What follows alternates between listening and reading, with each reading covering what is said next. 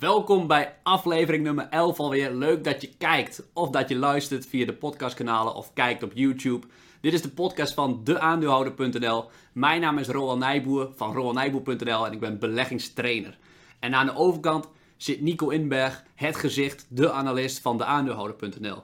Nico, welkom. Dag Roland, goedemiddag. Is het bij jullie ook mooi weer?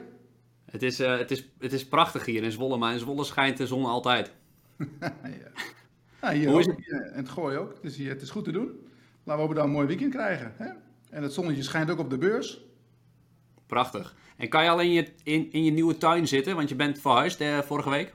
Ja, van de week, uh, toen wilde ik daar zitten. Uh, af, afgelopen woensdag, toen wilden we even buiten lunchen. Maar het was toch nog wel een klein beetje koud.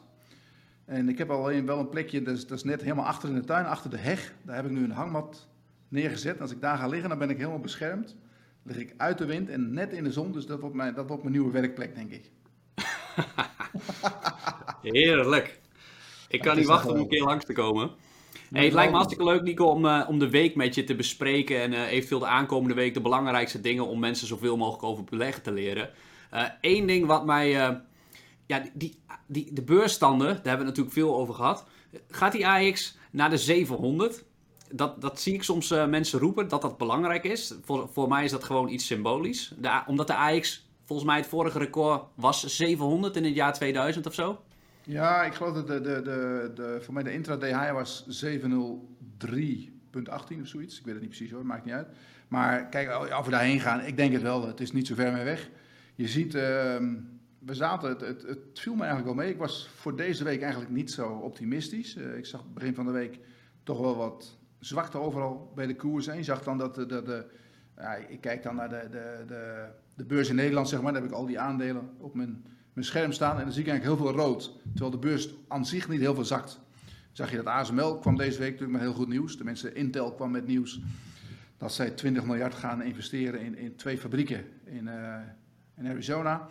En uh, nou ja, dan, als je dat wil doen, dan moet je machines kopen bij ASML natuurlijk. Dus die gingen, die gingen omhoog. En uh, wat, kijk, wat, je een beetje ziet is dat die, die uh, met name voor die Nederlandse beurs, die AX, dat de technologiebedrijven in Nederland, eigenlijk de chip-technologiebedrijven, ASML, ASMI en BESI, die trekken een beetje de kar. En met name ASML. ASML is bijna 20% van de AX. Dus als je de AX omhoog wil hebben, moet je ASML kopen. En ja, als die dan toch uh, in weerwil van dat in Amerika bijvoorbeeld de, de Nasdaq best wel onderuit ging deze week. Wel, uh, die rotatie ging daar een beetje door. Je ziet dat Tesla ligt niet zo goed, dus dat, alles wat daar omheen zit gaat ook een beetje omlaag. Uh, maar ASML trok de AX eigenlijk gewoon omhoog. En dan zie je vandaag, we staan nu voor mij 690 of zo, dus er zit er nog anderhalf procent vandaan. En dat, dat is een, een, een tik aan het horen. Dus het is niet ja. zo moeilijk. Ik denk dat het, het momentum wordt wel weer ietsje, ietsje positiever. Uh, ik ben zelf ook niet zo flauw. Ik, uh, ja, uh, sommige aandelen staan hoog, maar er zijn nog genoeg aandelen waarvan ik denk van nou, we hadden de, deze week in ons, in ons magazine ook weer verschillende kooptips en de, de, die vind ik allemaal niet duur. Dus nee. dat is niet zo'n probleem. Dus ik denk wel dat we de 700 gaan halen. Ja. En, maar het is symbolisch, en wat je zegt, dat klopt. Het is, het is symbolisch, want als jij kijkt, kijk, beleggers als jij, die kijken naar de, de lange termijn doet iedereen natuurlijk wel, maar de meeste mensen willen ook uh, ja, snel heel graag wat, wat, verdienen. Maar als je kijkt naar de langere termijn en je, je gaat terug naar 2000 en je kijkt naar de, de, de herbeleggingsindex, die volg ik ja. met aan, ja, dan zie je dat je nu al een stuk hoger staat. Ja, die staat op 1800 of zo, wat is het? Ja, ik, ik heb geen idee, maar die, die, is, er al, die is er al voorbij. En uh, ik, zeg, ik, ik zeg altijd wel van, oké, die herbeleggingsindex is allemaal aardig. Maar dat is hetzelfde als je tegen iemand zegt van ja, als je, als je in 1970 1000 euro had, of ja, 1000 gulden had geïnvesteerd in de AEX, had je nu zoveel geld gehad. Ja, dat is allemaal leuk en aardig, maar je betaalt ook kosten. Uh, ja, je betaalt belasting en zo, dus er zit best wel, wel wat, uh, wat ruis op de lijn. Maar goed, het idee is duidelijk voor de lange termijn met uh, iemand die belegt in aandelen en die krijgt elk jaar dividend, de, de winstuitkering van het bedrijf. Nou ja, dan, dan ben je er al lang voorbij. Ja, ja, en de kunst is dan dat uh, dividend natuurlijk herbeleggen, slim herbeleggen. Ja. Ja, doe jij dat met dividend wat je binnenkrijgt van je aandelen? Uh, ga je dat meteen weer herbeleggen in, in die aandelen zelf of, of ga je ervan uit eten? Wat doe je? Nee, ik, ik, ik heb bijna geen aandelen die, die, ik heb bijna geen aandelen die dividend betalen. Waarom niet? Ik geloof dat dividend... Jij nou juist dividend, jongen. Wat zeg je? Jij leek me nou, nou juist een dividendjongen.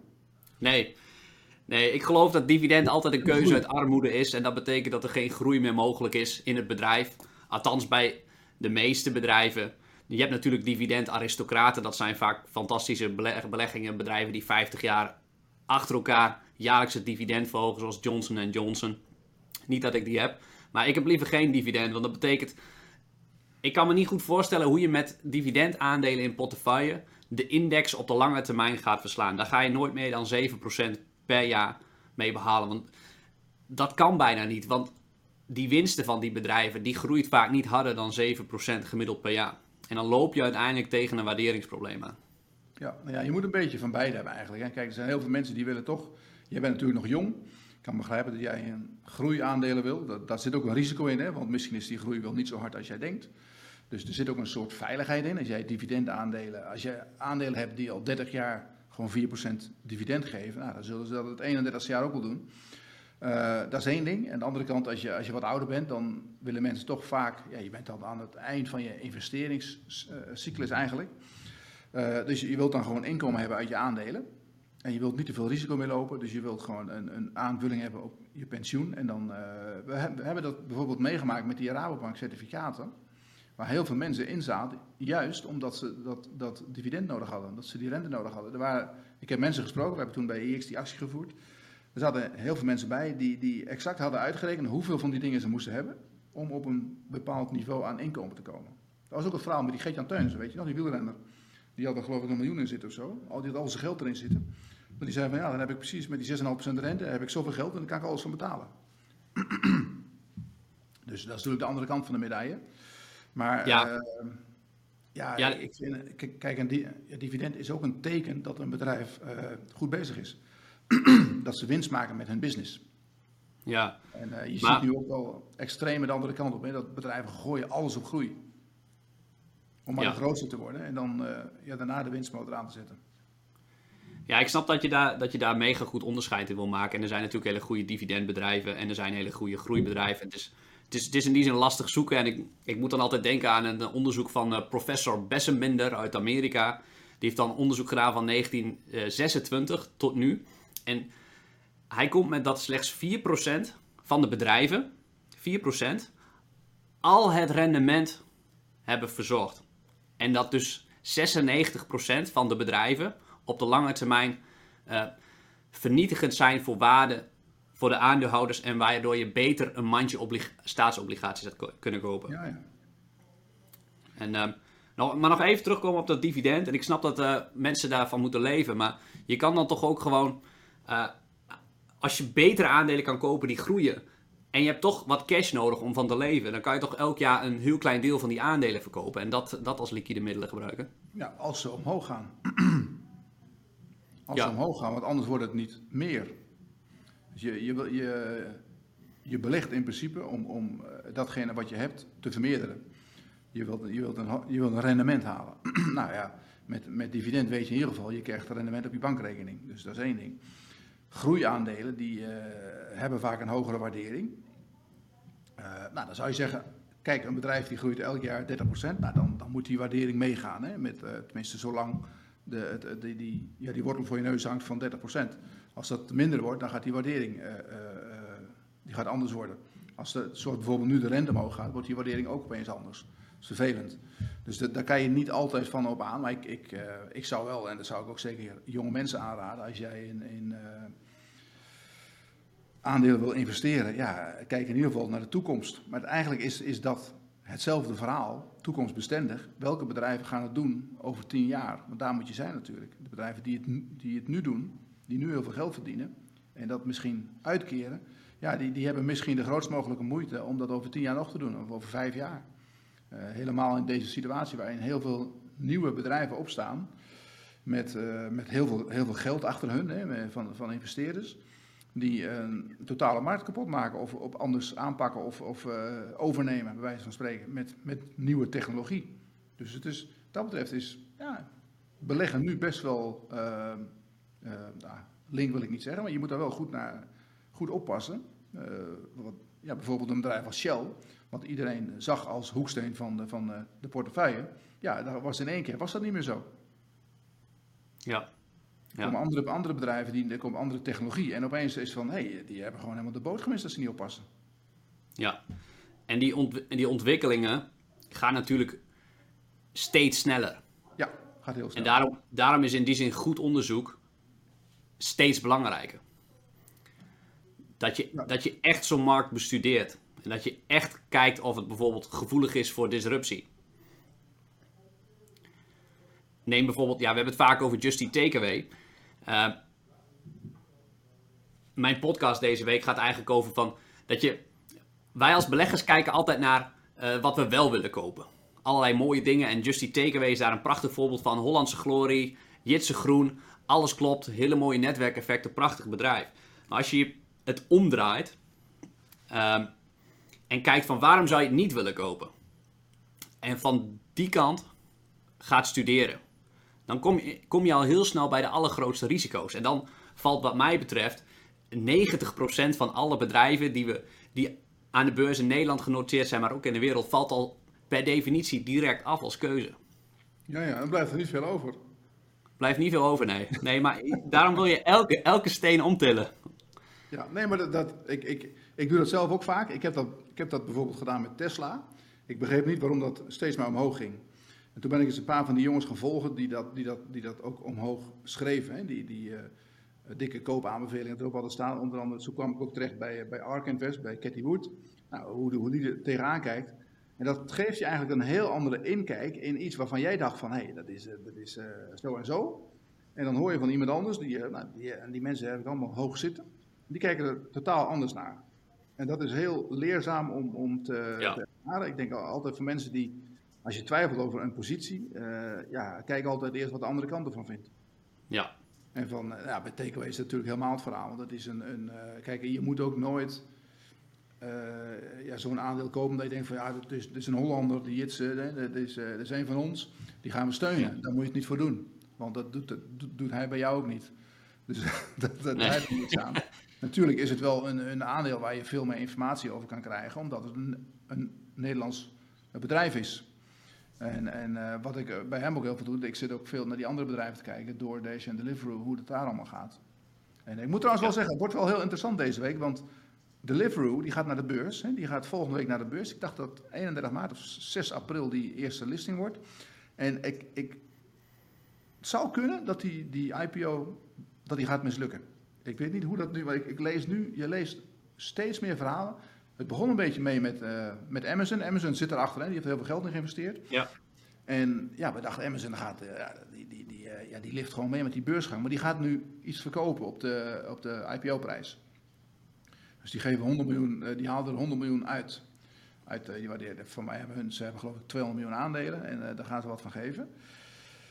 En er zijn een paar andere grote investeerders in Engeland, die beginnen ook al te piepen van, ja, wij doen niet mee, want de, de, ja, ze behandelen hun werknemers niet goed, maar dat is natuurlijk een drogreden. Ze doen niet mee. De enige reden waarom ze niet meedoen, dat weet jij wel, dat is geld.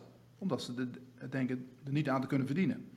Dus dat, dat, dat, dat ja, van die werknemers is gewoon een, smoesje voor de, de bühne. Uh, maar dat, dat, dat wordt best wel lastig als zij, um, die, die, die IPO, die, die werd natuurlijk ja, super gehyped.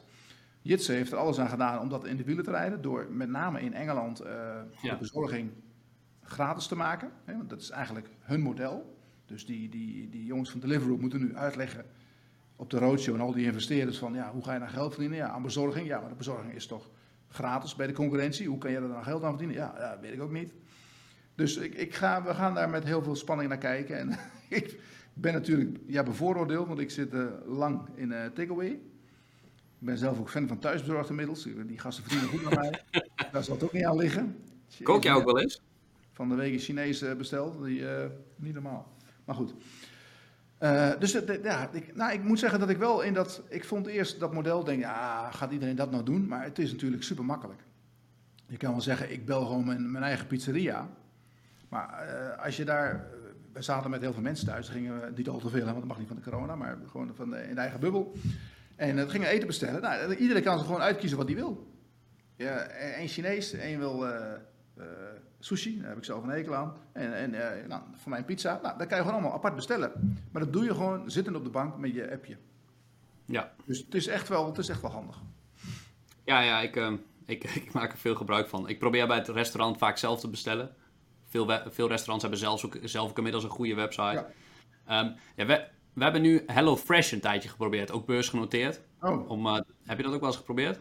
nou, die aandelen wel. Gaat niet goed? Ja, nee, heel goed, maar ik, ik heb ze te vroeg verkocht, man. Ik was een, ongelooflijk. Ik kreeg, wanneer was het een jaar geleden? Kreeg ik een tip van iemand. Die zei tegen mij dat HelloFresh, dat loopt als een, dat loopt als een dolle. En eh ben ik erin gedoken, meteen wat gekocht. En dat ging hartstikke goed. Nou, dat- aardig gewinst. Ik denk, nou, doe ik ze weer weg. Liep het enorm hard door daarna. Dus eh, dat loopt heel goed volgens mij, of niet? Heb je het nog steeds? Ja, ik, ik ben geabonneerd op hun dienst. Ik heb geen Ja, ja. Ehm, dus ik kan als gebruiker spreken. Ja, nee. Ik, wil, ik wou het gewoon onderzoeken omdat of het interessant was. Want eh, een paar van dat soort businessmodellen gaan natuurlijk wel gaan het overleven. Ik weet niet of dat HelloFresh is. We hebben het nu zes weken geprobeerd en we gaan stoppen. Stoppen? Waarom? Ja. Nou, dat is meer omdat het nog best wel veel werk kost om het klaar te maken. Ja, ja. Oh god, je, wil, je moet het eh, kant en klaar in je mandje hebben. Ja, het is fijn dat ze het voor je uitzoeken, dus dat je niet meer naar de supermarkt hoeft. Ja. Eh, maar het is nog steeds wel een half uur werk om dat allemaal van A tot Z klaar te maken. Dat je je bord eh, klaar hebt. Krijg je er een beschrijving bij wat je moet doen? Ja, ja, ja. Dus ik, ik kan het zelfs. Ik kan het Een zelfs. soort IKEA-maaltijd, zeg maar. Die kun je zelf Ja, in elkaar ja. zetten. Ah, het is wel, je krijgt elke, elke keer dus een andere maaltijd. Dus je moet wel elke keer die beschrijving erbij houden. Omdat het elke keer nieuw is. Ja. En kan je zelf kiezen wat je wil of eh, be- bepalen zij wat je eet? Ja, je kan een week voor de tijd zeg maar kiezen welke maaltijd je de aankomende week wil ontvangen.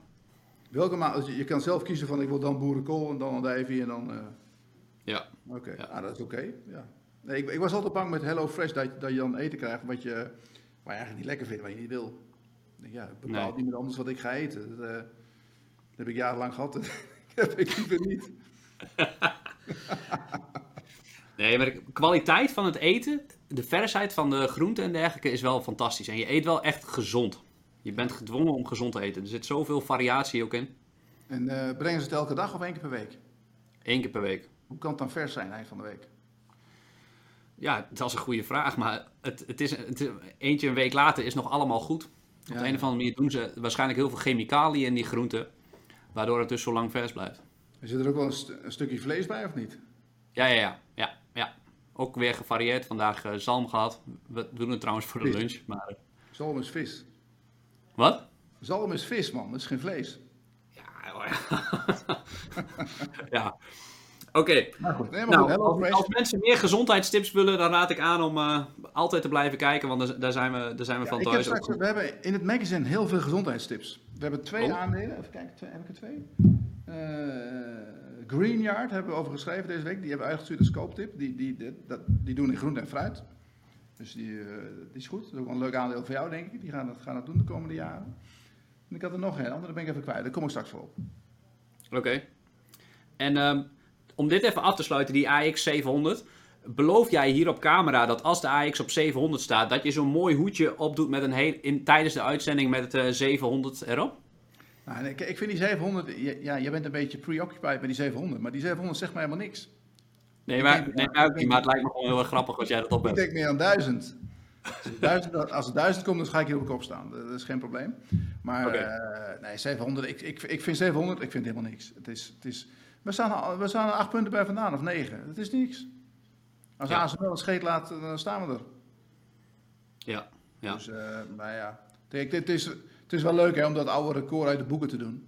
Van, van 2000. Want voor veel mensen is het toch wel een trauma. De, de Nederlandse ja, belegger heeft het ni- niet gemakkelijk gehad de afgelopen 20 jaar. Zeg maar, met, met wat er hier gebeurd is bij ons op de beurs. Met de KPN'tjes en, en eh, wat hebben we nog meer. De vershotels en al die rommel. De World Online en zo. Daar zijn een hoop mensen ingestonken. En eh, dat is niet goed geweest. ja. Ze hadden, ze hadden de, de mensen in die tijd beter moeten voorlichten. Ja, ja. En dat, en dat was niet per se allemaal fraude, maar eh, gewoon dramatische beleggingen. Ja, nou ja, goed. ehm, wat, wat, wat allemaal was. Ja, er zat van alles bij, maar ook, ook slecht beleid van die bedrijven zelf. Die, die dachten van dat, dat, dat de bomen tot in, in de hemel groeiden. Eh, ook een stukje disruptie natuurlijk, hè, van bedrijven die, die eh, niet in de gaten hadden wat er, wat er gebeurde in hun omgeving. Maar ook wel, ik vind ook wel dat eh, ja, beleggers hadden ze beter voor moeten lichten. Die, ik weet niet hoe dat was in die tijd. Ik was toen zelf optiehandelaar, ik was er helemaal niet mee bezig. Voor mij zeiden die koers helemaal niks. Ik gebruik ze alleen maar om, om hoger lager te, te, te handelen, zeg maar. Ja. Maar de, eh, ja, god, wat had je nog meer? UPC, man. Dat heeft me ook nog een hoop geld gekost destijds, UPC. Wat een drama was dat. Die stond op 40 euro, die ging gewoon aan nul. Aan Dus, nul, eh, ja. Nee, dat was niet goed. Nee. Maar ja, je leert er altijd iets van. Ja, Je wordt, wel. je wordt of rijker met een belegging of wijzer. Ja, zo kom je dus, zo lul je zelf er altijd uit. maar dat is, daar, er, zit, er zit natuurlijk wel wat in. Het, het is wel, wel belangrijk als je begint met, met beleggen, dat je eerst een keer goed op je bek gaat. Ja. Want Als je met de eerste trade, hè, dat is net als met een gokkast. Als je achter een gokkast staat en je hebt meteen drie barretjes op een rij. Dan denk ik, nou, dat, eh, dat moet ik vaker doen. En vervolgens ben je al je geld kwijt. Ja. En als het de eerste keer misgaat, dan blijf je het wel af eh, in vervolg. Slecht Ja. voorbeeld, maar je begrijpt wat ik bedoel. Ik snap het. Ja, ik, ik, mijn eerste grote missen, dat vergeet ik nooit. Dat was in die zin een van mijn eerste aandelen met mijn eigen geld. Ik deed eerst via mijn vader eh, toen ik nog onder de 18 was. Ja. Maar toen eh, SNS Reaal gekocht. Godsamme. Was, was, was flink gedaald. CEO zegt, ja, problemen in Amerika. We zijn een Nederlandse bank. Dat was net voor de financiële crisis, 2007, 2008. Ik eh, dacht, dat kan niet misgaan, hoe, do- hoe dom ik ook was. En eh, ja, 50% later eh, lager verkocht. Nou, mijn vader heeft ze volgens mij helemaal gehouden tot, tot aan nul. Je hebt ze wel verkocht op tijd. Wat zeg je? Je hebt ze wel verkocht op tijd, dat is goed. Ja, maar wel de helft van het geld kwijt. Ja, nou ja, goed, maar dan heb je in ieder geval de helft nog terug. Ja, Ja, ja. dat is een drama met- die banken. Maar dat, weet je, Rowan, met, met die banken is ook de ellende dat die, die, eh, ja, die managers van die banken, die mogen niet zeggen hoe erg het is. Maar op het moment Ja. dat we zeggen dat het niet goed gaat, haalt iedereen zijn geld weg en zijn ze failliet. Dus ze, Ja. ze blijven altijd mooi weerspelen. En eh, dat is best wel. eh, ja, daarom is het ook heel moeilijk om die mensen te vertrouwen. Of te vertrouwen. Kijk, eh, we ha- hadden bijvoorbeeld in maart vorig jaar zat die, die man van de Rabobank, Wiebe Draaier, die zat toen bij, bij Buitenhof. En we, ze hadden toen net, we waren toen net met die Rabobank certificaten bezig. Hè? Tenminste, die, die beslissing kwam die, diezelfde avond. En hij zei overdag van, nou ja, we staan er nu goed voor en, en het is anders dan toen. Maar ja, toen dacht ik van, ja, dat zeggen ze altijd, die banken. ja. Ze, zeggen, Ja. ze zullen nooit zeggen van, nou, het wordt nu wel heel spannend en ik hoop dat we er over een week nog zijn. Want dan haalt iedereen zijn geld weg. Ja. Het, het gaat altijd goed. En dan moet je er maar op rekenen dat het nu, en ik, ik denk dat het nu, nu misschien wel echt goed gaat met ze, omdat ze waarschijnlijk heel veel eh, kunnen besparen, omdat het, de schade meevalt van de crisis. Maar eh, nou ja, we zullen het zien. Ja, Ja, ik, ken iemand die, die bankaandelen koopt. nee, nee dat, zou, dat, dat zou ik nu nooit meer doen. Dat, eh, volgens mij, als je het over tien jaar kijkt, dan is dat totaal veranderd. Dan kennen we de banken niet meer zoals ze nu bestaan. Nee. En als je naar het dat is rendement de op het eigen... zo'n manager daar, hè? Dat Wat is zeg dus- je? Dat is dus de taak van het management. Die moeten dat ook in de gaten hebben. En op het moment dat zij dat zelf in de gaten hebben, op tijd, dan hebben ze de kans om het bij te sturen. Dat, dat, dat zie je ook met heel veel bedrijven. Als je niks doet, eh, je hebt dat natuurlijk gezien met de opkomst van online. Heel veel, eh, bijvoorbeeld warenhuizen en dat soort, eh, dat, bedrijven, winkels, die hadden heel veel moeite om, om over te schakelen van fysiek naar online. En er zijn enkele bedrijven die hebben dat wel op tijd gedaan. En die, die hebben echt de slag gemaakt en die, die zijn dan als een van de eerste meegegaan in online. Maar die, die nieuwe partijen die, die online kwamen, die, die hadden niet die ballast van die winkels. Die hadden ook niet de ballast van iemand die aan de top staat, die zegt van ja, maar die winkels moeten wel blijven bestaan. Hè? Dus Ja. er, er zijn maar heel weinig bedrijven geweest die, die, van, die op een gegeven moment hebben gezegd van oké, nu is online is leidend. Ja, ik snap dat als je de gevestigde spelers, en eh, een mooi voor- voorbeeld is daar altijd Eastman Kodak. Kodak had de patenten op digitale fotografie. Ze hebben dat, ze hebben dat ontdekt. En ze hebben die hele markt laten liggen. En dat, ja, dat is zo bizar dat je als bestaande speler wil je dus alles bij het oude laten, wat jij eigenlijk zegt. Ja. Ja, ja. Maar ik, kijk, ik vind dat als je de cultuur bestudeert in een bedrijf, en ja, ik stop 100 uur studie in een bedrijf voordat ik een aandeel koop, Ja. Ehm, en dan ga je de cultuur in zo'n bedrijf bestuderen. En als je dan de cultuur in de top van Nederlandse banken bestudeert, dan, kun, dan weet je dat ze nooit zo'n draai zullen kunnen maken. Dat, dat zit gewoon te vast. Eh, daar is geen cultuur van we gaan de boel veranderen. En deels natuurlijk gedwongen door de regelgevers dat ze, dat ze niet mogen bewegen. Ja, dit is wel een heel complex verhaal. Want ik, ik denk met name ING, die Ralf Hamers, die wilde wel. Hè, die heeft ook wel veel Ja. gedaan op het digitaal gebied. Maar toch heeft ook ING heeft de slag gemist met die, met die, met die hele payments. Uh, wat, wat Adyen nu allemaal doet, dat had natuurlijk een bank moeten doen. He, dat, ja. Die kant hadden ze helemaal niet aan die bedrijven moeten geven. Die hadden ze, ze hadden dat op tijd moeten overnemen of gewoon zelf moeten doen. Um, maar ja, je ziet nu, als je ook, ook kijkt naar ABN bijvoorbeeld, daar, daar heeft dan een nieuwe CEO, dat is een accountant. Ja, die gaat niet het wiel heruitvinden, zeg maar. Die gaat gewoon op de winkel passen, een beetje, een beetje snijden links en rechts. En vooral voldoen, uh, ervoor zorgen dat de, de aandeelhouder, de staat, dat die tevreden is. En dat uh, al, alle regeltjes nageleefd worden. Dus ja. uh, ik was daar laatst bij de ABN, ja, dat is echt verschrikkelijk wat dan, hoe ze dat dan doen. Dat kost zoveel tijd, hè. Moet je, ik moest hier een handtekening zetten ergens voor. Werd ik in een kamertje gezet. En dan ging die jongen die me hielp, die zat in het kamertje daarnaast. En dan ging hij tegen me praten via camera. Dan kwam hij even weer terug. Moest ik handtekening zetten, dan liep hij weer terug. Dan denk je, jezus mina man, dit, oh, hoe gaat het hier? Ja. Ja. Mooi. En uh, ik wil nog even hebben over iets uit je magazine. Wat ik zelf ook wel een interessant bedrijf vind, is Pershing Square van ja, good old Bill Ackman. Onze vriend. Onze vriend. Ik ken Bill Ackman eigenlijk al best wel lang. We hadden, we hadden al met hem te maken toen met farming. We hebben in, in uh, drie, vier jaar geleden, volgens mij bij IX, hebben we farming. Uh, ja, dat was, was toen eigenlijk ging niet zo goed met farming. En die kon toen in één keer uh, de rechten van hun Amerikaanse medicijn terugkopen. En dat was omdat er een, een, een hele grote farmaceut, Valiant, ik weet niet of die naam je nog wat zegt. Ja, ja. Die, dat was een bedrijf die, die deed niks anders dan overnemen. En daar had, Bill Ackman had daar een hele grote longpositie in.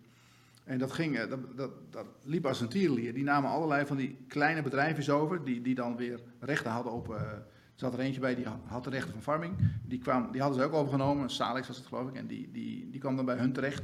En uiteindelijk is dat in elkaar gestort.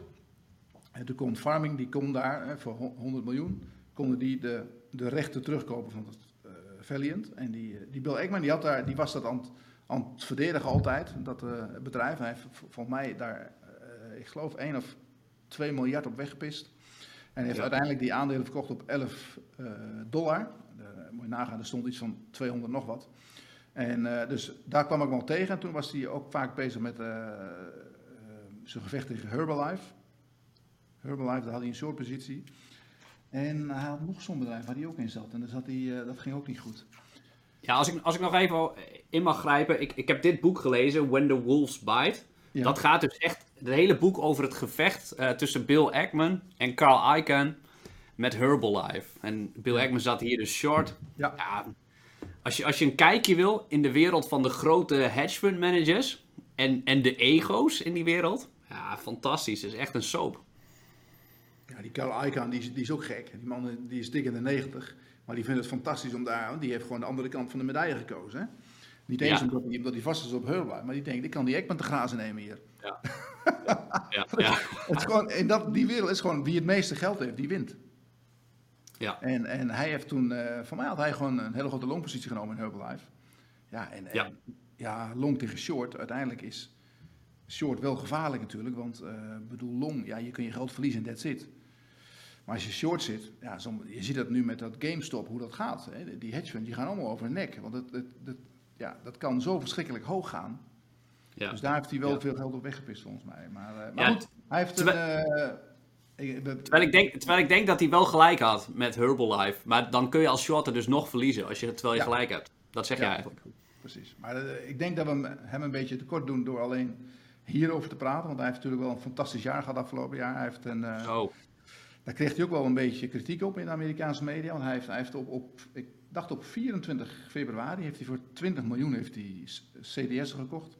Dat zijn van die credit default swaps. Nou, dan speculeer je op, op de, de, de rente, zeg maar, op ja, bepaalde producten. De spread. En, uh, want hij dacht van, hé, uh, hey, het, is, best wel raar, het gaat in China niet zo goed. die corona komt eraan, ik weet niet of het hier komt, maar die, die markt voor CDS die staat op een all-time low. Dus hij heeft daar gewoon voor 20 miljoen van die, van die spullen gekocht.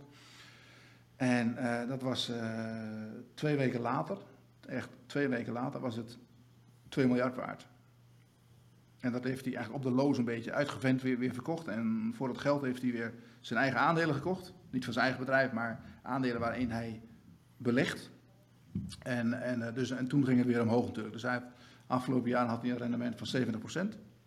Ja. En uh, nou ja, kan je zeggen dat is natuurlijk eenmalig, maar dat, dat is wel. Het is, A is dat timing. Hè? Je, je, je moet wel uh, ja, de guts hebben om dat te doen, maar je moet het ook maar zien.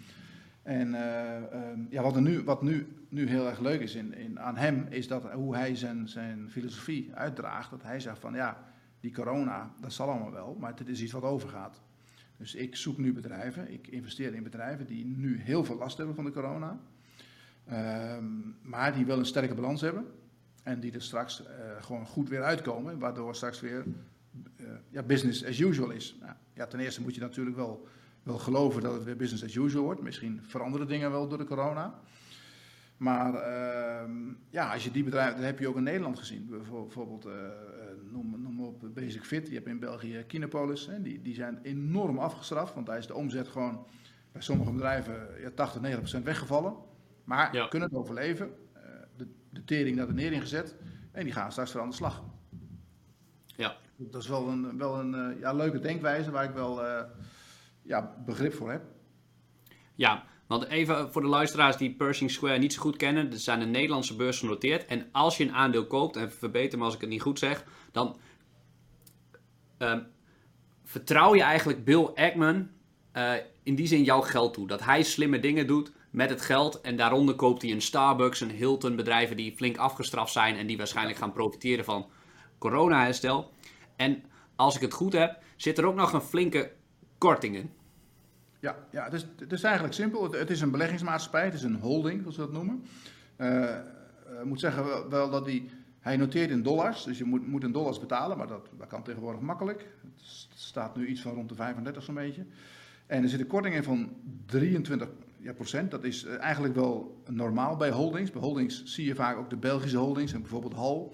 Zie je vaak dat het 15 tot 20, soms zelfs 30 procent onder de, de, de intrinsieke waarde staat. En je kan dat bij hem, bij hem vind ik het eigenlijk ja, uh, uh, iets, iets meer onterecht. Omdat hij heeft zeg maar negen aandelen. En die aandelen, daar kan je zelf ook in handelen. En die zijn allemaal liquide. Dus hij zou bijvoorbeeld ook hè, op een goede dag, als er goede liquiditeit is, zou hij zijn hele portefeuille kunnen verkopen. En dan heeft hij 23% meer dan wat hij, uh, dan wat hij op de beurs waard is. Dus uh, ja, heel vaak zie je bij die Belgische holdings, er zit ook een gedeelte private equity in. En er zitten uh, ja, vaak bedrijven in die toch niet zo liquide zijn. Of die, die dan, weet ik veel, als je dat als ze in, in, de gaten krijgen dat je gaat verkopen, dat je dan de korting moet toestaan van 10%. Dat is een beetje de reden achter die, die, die korting. Maar bij hem, hij heeft maar 9 aandelen. Had ook Berkshire Hathaway, dat heeft hij verkocht. Wel met excuses aan Buffett. Maar vond het wel vervelend om te doen, maar hij heeft het toch gedaan.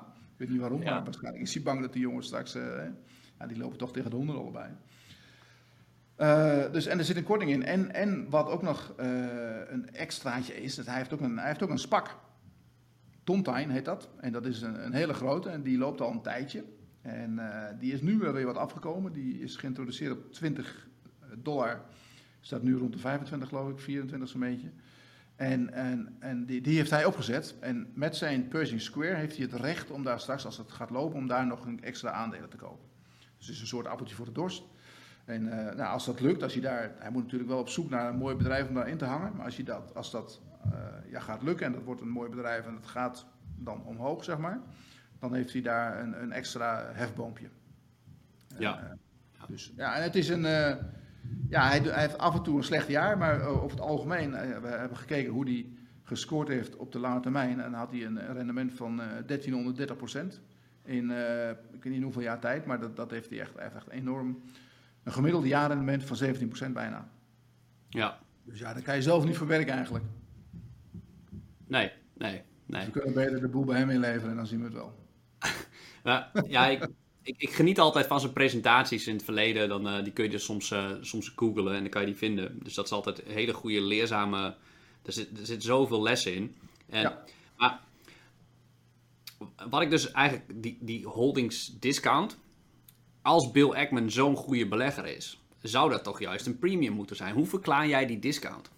Nou, er zit, een, er, zit, kijk, er zit ook een soort risico in. Omdat het zo, zo hard is opgelopen, dat hij 70% heeft gemaakt. Hij neemt natuurlijk wel risico's. Dus dat moet je ook een beetje in ogenschouw nemen. En, en stel dat de beurs morgen 10% omlaag gaat, nou, dan, dan is die, die discount ook weer weg. Dus, uh, um, de, daar wordt, dus de, de, ja, er zit op een of andere manier een beetje risico in. En, Maar je kunt wel, je hoeft niet zozeer ook hem te vertrouwen. Je kan, je kan bij hem heel makkelijk opzoeken wat hij doet omdat die, die aandelen zijn bekend en hij maakt elke maand heeft hij een overzichtje met hoe het gaat. Dus je, je, koopt eigenlijk die negen aandelen, die koop je met een korting. En, dan, ja. en hij beheert het, hij moet er ook een fee voor hebben natuurlijk. Hij is ook niet, niet vies van om, uh, ja, hij beloont zichzelf ook goed. Ja. Die, die mannen zijn niet, uh, die doen het niet, niet voor niks. Uh, dus dat hoort er ook een beetje bij. Dat, dat zorgt ook voor een, een gedeelte korting. Ja. uiteindelijk is die, kijk, die, ik denk niet dat die korting er ooit uitloopt of zo. Die zal misschien wel ietsje, die kan, die kan, wat, die kan wat lager. In, in, in, in een hele goede beurs loopt die korting vaak uh, terug. En in, in een extreme beurs, uh, extreem slechte beurs, dan heb je vaak een hoge korting. Dan, dan willen mensen eruit, dan, dan, gaat die nog lager staan.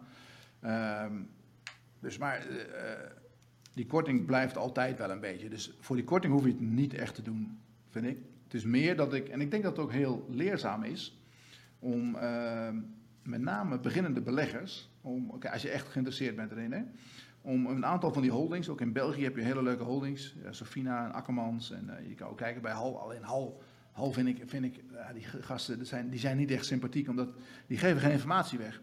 Ik vind het leuk als die, die um, dat is ook leuk van die Cathy Wood.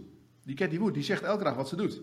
Die legt gewoon uit, ik doe het zo en zo en ik, ik denk dit en dit. Die gasten van Hal, daar hoor je helemaal niks van. Die zeggen nooit wat. Dus ja. Dat, ja, je mag meedoen zeg maar, met het aandeel, maar je hebt, voor de rest heb je er helemaal niks aan. Maar bij die Belgische holdings, bijvoorbeeld ook bij GBL, die leggen op hun website leggen ze heel mooi uit wat hun filosofie is.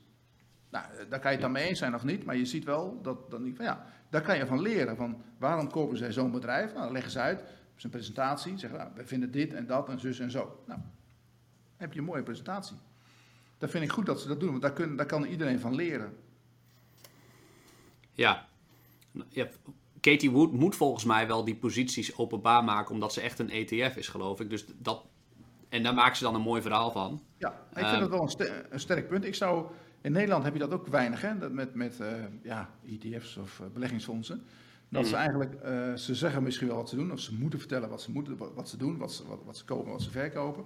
Maar ik zou gewoon, ja, als jij wat doet, zeg gewoon wat je doet en waarom. En, en de Amerikanen zijn er veel opener in. Ook, uh, dat, dat is ook een heel groot verschil met die, met die Ekman bijvoorbeeld. Als hij een positie ergens in neemt, ja, dan, dan zij vinden dat ook een, een soort, dat doen ze ook ja, voor hun eigen marketing natuurlijk. Maar dan gaan ze uitgebreid vertellen waarom ze dat doen. En dan, dan kan je zeggen van ja, dan, daar proberen ze de rest in mee te krijgen. Maar ze zijn in ieder geval open en transparant over hoe ze erin staan. En dan kan je ja. zelf beslissen of je daar, daarin, daarin uh, ja, meedoet of niet. Of je het gelooft of niet. Ja, ik ben het wel met je eens dat, de, dat die transparantie voor de, voor de belegger is, is dat fantastisch. Want daar kun je heel veel van leren. Toch, als je naar de rendementen van Hal kijkt over de afgelopen 25 jaar. En een ander bedrijf wat misschien ook niet zo transparant is, dat is Berkshire Hathaway. Um, het, het nou, heeft ook wel wat. Want als, als er weinig informatie te vinden is, dan liggen daar soms ook kansen. Als je wel echt op zoek gaat naar die informatie. Ja, maar ik vind, ik vind Buffett, eh, die vind ik juist hartstikke transparant. Dat die man die is zo vaak aan het vertellen wat hij doet en hoe hij erover denkt. Die, die, die geeft eigenlijk heel veel informatie weg. Als jij zijn, en ook hilarisch vaak, hè, als je zijn nieuwsbrief leest, dat is gewoon smullen. Altijd leuke opmerkingen en altijd one-liners. En, en uh, die, die, die maat van hem ook, Charlie Munger die hebben echt hele goede opmerkingen, waardoor je denkt van ja, zo, is het, zo zit het wel in elkaar. Dus ja. uh, misschien vertellen, ze vertellen natuurlijk niet van uh, ze komen opeens met een konijn uit de hoge hoed. Dat gaan ze niet van tevoren aankondigen. Uh, maar goed, als hij er dan in zit, dan is hij niet te beroerd om te, te, te, vertellen waarom.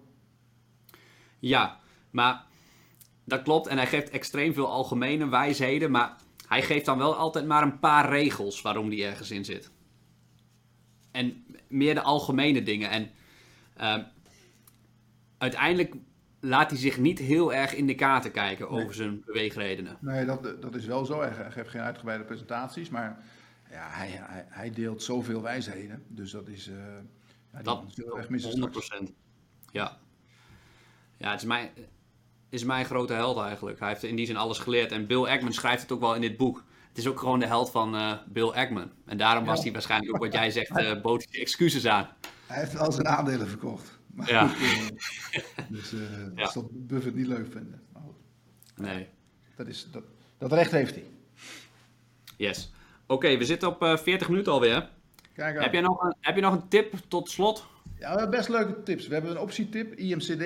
Ken je dat, IMCD? Dat gaat erg hard, hard omhoog. Ja. Veel te hoog eigenlijk, denken we. De, onze optieman Harry, Harry Klip heeft daar een short positie op gezet.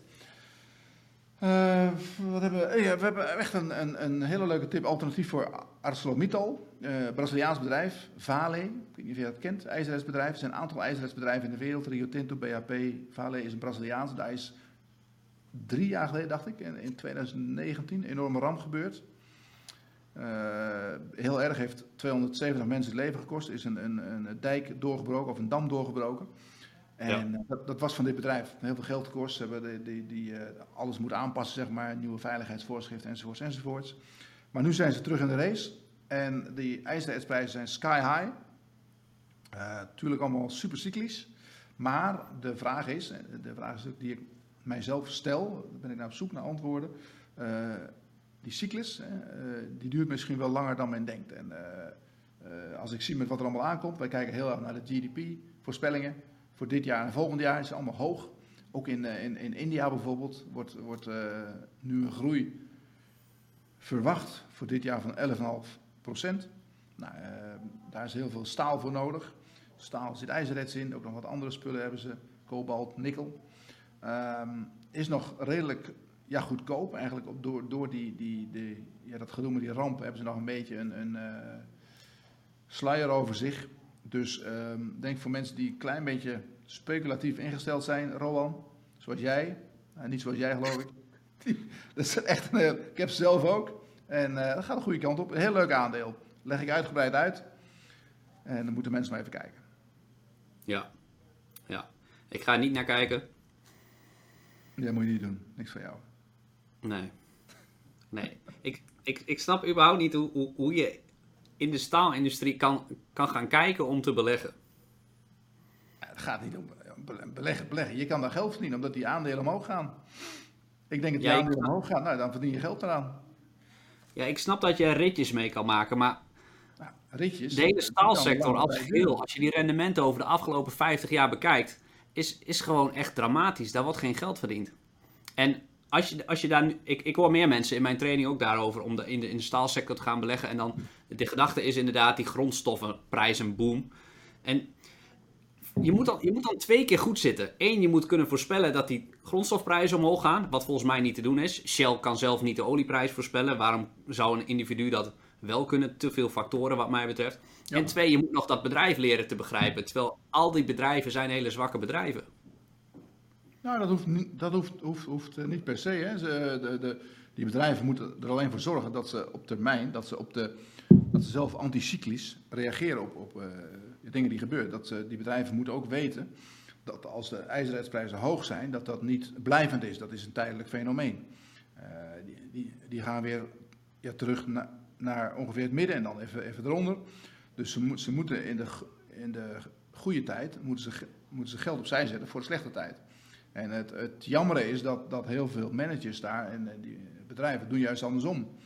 Die gaan elkaar overnemen als de boel hoog is. Want dan willen ze, willen ze groeien. Dat heb je ook gezien met die goudprijs. Toen die goudprijs zo hoog was in 2011, gingen die goudbedrijven gingen elkaar overnemen voor de hoofdprijs. Want uh, ja, de goud kan misschien wel naar uh, eh, 3000. Nou, dan ga je weer terug naar het midden, naar, naar, naar ja, normale groei. En dan zit iedereen weer in de schulden. Er zijn ook partijen die er heel goed aan verdienen natuurlijk, die op tijd de boel verkopen. Maar dat is, dat is wel, uh, de, uh, ja natuurlijk.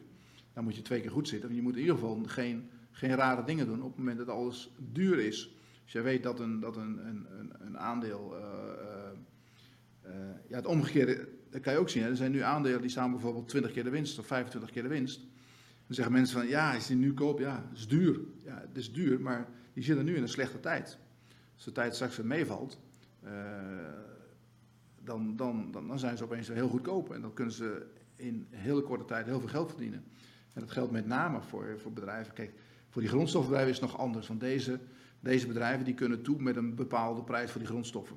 Nou, een eh, bepaalde minimumprijs hebben. Als je kijkt naar ijzerets per ton, kost nu rond 170 dollar. Dat is een tijdje rond de 50 geweest. En dat was voor hun eigenlijk te weinig, maar daar konden ze ongeveer mee uit. Maar nu verdienen ze echt heel veel geld ermee. Maar staalprijzen, staalboeren die hebben, die hebben hele grote machines staan. Die hebben hoge vaste kosten. Die hebben echt hoge vaste kosten. En als daar dus de, de staalprijs een tijdje onder de, onder de, de normale prijs is, ja, dan moeten ze echt uh, interen. Dus die zijn nog gevaarlijker. Dan vind ik die, die grondstofbedrijven die, die toe kunnen met een bepaalde prijs. Hè, dat zie je ook nu in die goudprijs. In die goudsector, dat die, die, uh, die goldminers, ja, die, die moeten makkelijk toe kunnen met een prijs van 1700 dollar. Als ze dat nu nog niet kunnen, dan zijn ze geen knip voor de neus waard. Want die goudprijs heeft ook rond de 1000 gestaan. Die komen er ook bijna uit. Dus dat is ja. uh, heel vaak, en dat is ook wat je uh, als consument vaak hebt natuurlijk, dat, dat, dat, als je meer gaat verdienen, dan ga je meer uitgeven. Daar moet je een beetje mee oppassen. Zeker. ik, ik, heb niet de illusie dat ik jou kan overhalen om wat stukjes Vale te kopen. Ja. Maar uh, ik, denk dat ik, ik denk dat ik er goed aan ga verdienen. Dat denk ik echt. Anders had ik het ook niet gedaan natuurlijk. Dus, en, maar we, en, we houden het in de gaten. We gaan eens kijken over een, uh, een paantje of een jaartje, weet ik veel. Hoe dat zich ontwikkelt. Ja, ik, ik hoop dat je, dat je gelijk hebt natuurlijk. Maar op, op wat voor termijn beoordeel je dan of een belegging succesvol is? Dagelijks. Kan je, kan je, wat? Dagelijks. Dagelijks? Ja, ik, nou, het is, het is niet dat ik elke dag de, alles... Uh, maar ik, ik neem het altijd mee. Ik, ik heb het natuurlijk altijd bij me. Ik, ik weet uh, ja, dat ik het heb. En ik krijg zoveel informatie binnen. Dus ik bekijk elke dag of, dat, of wat ik vind, of dat nog relevant is. Of dat, dat die, die, ja, die redenen nog, nog zo zijn. Hè? Als uh, er morgen iets gebeurt waardoor ik toch anders tegen die situatie aankijk. Het kan ook zo zijn dat er een ander bedrijf komt en ik denk, hé, hey, die wil ik liever. Je hebt natuurlijk niet onbeperkt geld. Dus je, je, je, je kiest je investering uit. Nou, wat ik vaak doe met dit soort dingen, dat is toch voor mij een vrij onbekend bedrijf was het. Dan ga ik er eerst, uh, ik steek eerst een teentje in het water. Ik wil wel eerst uh, ook positie hebben om te voelen hoe het, want dan, dan heb ik het aandeel op de radar. Dan kan ik ook zien hoe het beweegt, hoe het in en weer gaat met, met de markt. Ik, ik kan het vergelijken met concurrenten, of het beter ligt of slechter ligt. Dan krijg ik een gevoel bij. En dan kom je, ja, uh, ja gaandeweg ja, raak je vertrouwd met het aandeel en met het, het bedrijf. Je gaat er veel over lezen. Nou, dat is gewoon allemaal, allemaal, e-, eigenlijk allemaal informatie opsoeperen. En dan, dan uh, is het, kijk, het is niet zo dat ik elke dag ja, zit te wikken en te wegen, maar ik, ik, heb, ik krijg zoveel informatie binnen, waardoor ik elke dag wel, wel uh, even erover nadenk of dat het in ieder geval je gedachten passeert. Ja. En ja. Uh, dat moet natuurlijk ook, want je bent altijd, ja, ik, ik denk dat het, dat het gevaarlijk is om te zeggen van, ik koop dit aandeel en ik kijk er nooit meer naar om. Nee, dat kan niet. Dat zou het allermooiste zijn natuurlijk, als je, als je dat zou kunnen doen. Misschien zijn er dat soort aandelen, die zijn er misschien wel. Maar je ja. ziet, als je kijkt, nou, dan haal ik even jouw, jou, jouw onderzoekje erbij van die Betten, hoe heet die kerel? Bessenbinder. Uh, als je kijkt dat slechts 4% van de aandelen het uiteindelijk doet, ja, dan, dan, dan moet je net die uh, 4% weten uit te zoeken. Maar dat is natuurlijk extreem lastig. Dan zoek je naar een speld in Hooiberg. Nou, dat is, uh, dat is hartstikke moeilijk. Dan, dan moet je, ja, 4% van de aandelen, uh, die zijn pas, die, dat zijn eigenlijk de aandelen die je voor jou moet doen. Daar moet je dan naar zoeken. Dus um, ja, dat, dat uh, zegt eigenlijk dat je het wel in de gaten moet houden. En dan moet je sowieso, maar je moet ook niet al te bang zijn. Hè? Ik bedoel, je moet wel een bepaalde overtuiging hebben, denk ik, om, om in bepaalde aandelen te gaan. Dat, dat is niet ik krijg, wel, ik krijg wel veel mails van mensen die zeggen dan hebben ze een aandeel gekocht. En dan uh, is, staat een week later ja, staat het lager. Dan zeggen ze, hoe kan dat nou? Dat het lager staat. Uh, ja. Dit is toch een goed aandeel? Ja. Waarom staat het nou lager? Ja, dat kan. Er is er iemand die wil eraf. ja, ja. Maar dan moet je niet te zenuwachtig worden. Als jij gewoon een, een, jezelf een, een plan hebt of een idee hebt waarom jij een bepaald aandeel wil, waarom je denkt, nou, die moet ik kopen. Hè, want dat is, is, vaak de crux. Want sommige mensen die kopen dan wat omdat iemand anders het zegt, maar dan weten ze niet goed waarom. En als het omhoog gaat, denk je, nou, dat gaat lekker. Maar als je omlaag gaat, begin je te twijfelen. Ja. En als ja. je dan zelf op papier hebt gezet van, nou, ik, ik koop het hier en hier en hierom. Ja, dan, dan, dan sta je veel steviger. Zeker. Dus. Ja, ik, ik zou het zelf prima vinden als de beurs de komende vijf jaar dicht gaat. Dat je niet kan handelen dan, dan weet ik in die zin zeker dat ik met mijn portefeuille goed zit. En, da, en dat, als, als, als, je een staalbedrijf in portefeuille hebt, ja, dat wil je in de gaten houden. Ja. En uh, kijk... Ja, je, je ziet ook met technologiebedrijven, die, die kunnen af en toe ook uh, een keer goed de wind van voren krijgen. Amazon is in zijn eerste jaar ook een keer 90% gedaald. Ja, ja, ja. Je moet ook wel een uh, sterke zitten. maag hebben. Ja. Bij, bij zulke bedrijven, dat klopt. Dat klopt. Maar zo, zo, kijk, de beurskoers is voor mij in die zin totaal niet relevant. Als mijn portefeuille morgen 50% lager staat, maakt mij niet uit. Omdat ik weet dat de bedrijven fundamenteel meer waard worden. En dat komt wel goed. Die, zegt dan niet van, uh, Rowan, uh, moeten we misschien wat verkopen of zo? Ja, ik vertel, ik vertel dan gewoon niks. nee. Nee, maar... Uh... Nou, je ziet vaak met abonnementen in, in de beleggingswereld dat als de. Tostrams heeft wel eens gezegd tegen mij: van ik zeg, ik kan mijn abonnementen, abonnementenbestand die kan ik zo over de AX heen leggen. Dus als de AX omlaag gaat, dan, dan willen minder mensen geïnteresseerd in, zijn minder mensen geïnteresseerd in beleggen. En als het omhoog gaat, dan komt iedereen weer terug. Nou, dat, dat uh, zie je natuurlijk ook vaak wel. Ja, ja. Het is bizar, ik snap het, maar het is bizar. Ja, het zou andersom moeten zijn. Als het laag is, moet je erbij zijn. Als het hoog is, moet je zeggen, nou, geef mijn postje maar even een paar maanden aan Vicky. Ja, ja. Dus. Maar goed. We gaan volgende week weer verder. Ja, heb je nog, heb je nog een aandeel op de radar of ben je niet, mag, wil je dat niks over zeggen? Ja, nou, ik heb sinds september, twee weken geleden voor het eerst weer wat gekocht. Ja. Alleen, uh, ja, ja, wel met, uh, met, met, degene die de VIP-training volgen gedeeld. Okay. Maar uh, ja, die, beta die, betalen er grof voor, dus ik wil eh, in die zin dat niet zomaar nee, dat hier delen. Maar kopen die mensen dat ook allemaal of niet? Wat zeg je? Kopen die mensen dat aandeel dan ook meteen? Nou, dat hoop ik niet, want het is in die zin puur educatie. En ik vind dat je beleggen zelf moet leren. Want als je het zelf leert, dan ga je ook verantwoordelijkheid nemen voor je fouten. En dan ga je dus van je fouten leren. Als je hiernaar luistert en je hoort onze aandelen bespreken, zoals Pershing Square, dan zou ik hem niet kopen omdat ik daar fan van ben of omdat jij daar fan van bent. Maar mensen moeten zelf hun onderzoek doen, want dan ja. ga je ook verantwoordelijkheid nemen voor als het fout gaat. En anders, als het fout gaat, dan ga je mij of jou de schuld geven. En dan leer je er niks van. Nee, maar dat vind ik ook. Hè. Ik bedoel, ik, ik, ik geef heel graag beleggingsideeën. Ik geef heel graag mijn mening over, over aandelen. Maar ik ben geen vermogensbeheerder. Nee. Dus, uh, ja, mensen, ze, af en toe zegt iemand van ja, ik heb dat gekocht, dat heb je toen getipt en er staat nu lager. En ik zeg, nou, ik, ik heb ook wel eens iets wat hoger staan, maar de, dan, dan val je mij ook niet meer lastig. Ja, ja. Dus dat kan ik verder niet zoveel aan doen. Ik hoef er ook geen nee. percentage van. Uh, wij zeggen gewoon, uh, wij geven gewoon onze mening daarover. En, en uh, nou ja, wij, wij, zitten natuurlijk elke dag op de beurs, dus we zien heel veel. Maar we hebben ook niet, ik heb ook geen glazen bol of zo. Alleen nee. zo goed mogelijk mijn mening geven, that's it. En iedereen ja. moet zelf zijn, zijn huis, dat is ook het leuke, hè? je moet gewoon zelf je huiswerk gaan doen. Dat is het allerleukste. Ja, als je, als je zelf bedrijven gaat bestuderen, dat, dat is zo'n vet iets. Het kost veel tijd. Het is, het is in die zin niet makkelijk, maar je, je kan het wel leren. Dan gaat het vanzelf en dan gaat het je rendementen echt ten goede komen. Maar we gaan nu afsluiten. Nico, ontzettend bedankt. Ja, geniet van het zonnetje. Kom goed, kom goed. Uh, bedankt en uh, fijne middag. En luisteraar bedankt voor het kijken of luisteren en tot de volgende keer. Tot ziens.